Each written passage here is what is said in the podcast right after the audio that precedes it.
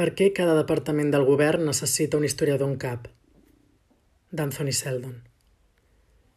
Quan el coronavirus va arribar a les costes britàniques el passat mes de febrer, el govern va fer el que fan sempre els governs.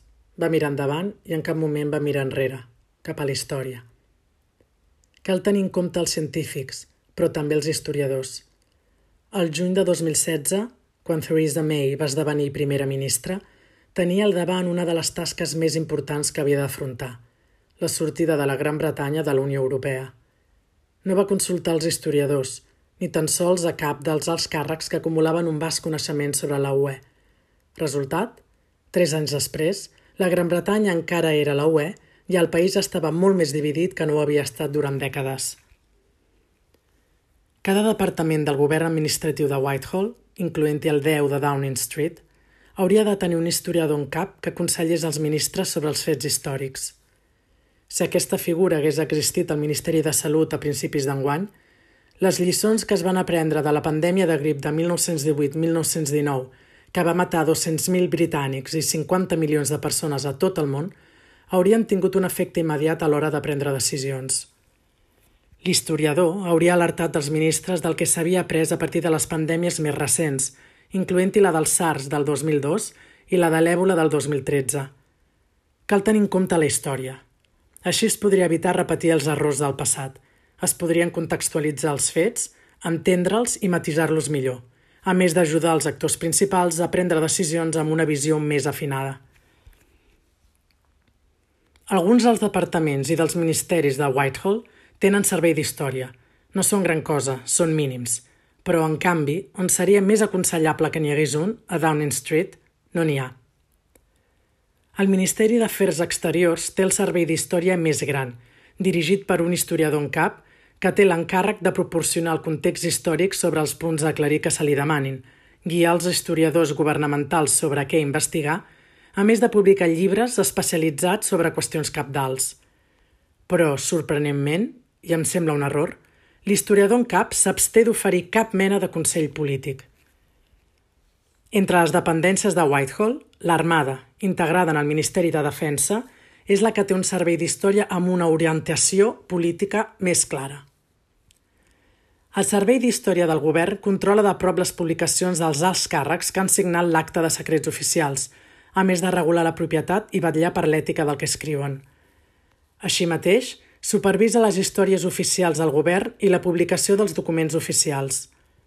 Però en un moment com l'actual, que obliga els servidors públics a prendre decisions ràpides, el Servei d'Història no pot oferir un adequat assessorament històric ni pot promoure la necessitat dels polítics de mirar enrere.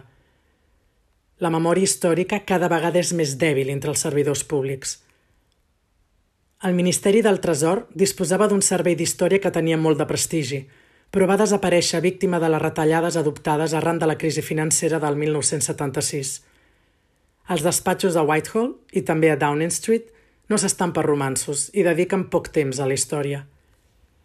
La professionalització del govern a les acaballes del segle XIX va mostrar la necessitat d'elaborar històries oficials als episodis considerats més rellevants. La història dedicada a la Primera Guerra Mundial es va traduir en la publicació de 109 volums – la història oficial de la Segona Guerra Mundial va anar més enllà. La primera monografia es va publicar el 1949 i l'última el 1993. Costa de creure que els historiadors contemporanis hagin après alguna cosa d'aquestes històries, o fins i tot que hagi llegit realment cap dels volums publicats. La història oficial segueix i encara avui se'n publiquen diversos volums, malgrat la preocupació del Ministeri del Tresor i del Parlament per la despesa que això comporta – Quin és el valor real d'aquestes històries?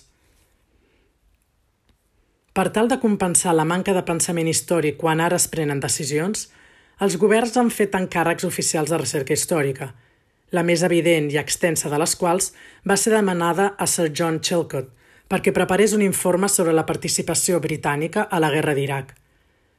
L'elaboració de l'informe va comportar una recerca de més de set anys, sense portar gaire novetats – i gairebé ningú no ha llegit els 2,6 milions de paraules que conté. El cost de la investigació va ser d'uns quants milions de lliures, que haurien estat més ben invertides si s'haguessin destinat a una recerca històrica més valuosa. Mentrestant, més rere més, Els errors dels servidors públics i dels polítics es repeteixen innecessàriament perquè ningú no coneix la rellevància sobre el present dels fets històrics. S'han publicat alguns estudis sobre el fenomen de l'error evitable, el millor dels quals és de Libor Crew i Anthony King, The Blunders of Our Governments, 2013. Literalment, les cagades dels nostres governs. Que a Downing Street hi hagués historiadors ajudaria el primer ministre i el seu equip, que sempre han de treballar sota una pressió ferotge, a treure profit de les lliçons apreses del passat. S'escriuran centenars de llibres sobre la caòtica sortida de la UE de la Gran Bretanya i també sobre com el govern ha respost al coronavirus, però, inevitablement, moltes de les investigacions seran oficials. L'únic que tindria sentit i permetria deixar un llegat seria fer alguna cosa més. En el seu renaixement, la Gran Bretanya hauria d'aprovar la creació de l'oficina de l'historiador en cap, amb un rang equivalent al del científic en cap del govern, el de l'assessor mèdic en cap, el de l'economista en cap, el de l'estadístic en cap i el d'altres semblants. L'historiador en cap supervisaria la fiabilitat de la informació històrica que se li fes arribar al primer ministre i als seus assessors, amb la confiança i la possibilitat d'encarar-s'hi, especialment quan la història suggerís que les decisions que s'estan prenent són errònies. L'historiador en cap també supervisaria els historiadors de cada departament governatiu de Whitehall. Boris Johnson té com a assessor de Downing Street el brillant historiador John Bew. Esperem que sigui l'anunci d'un bon presagi.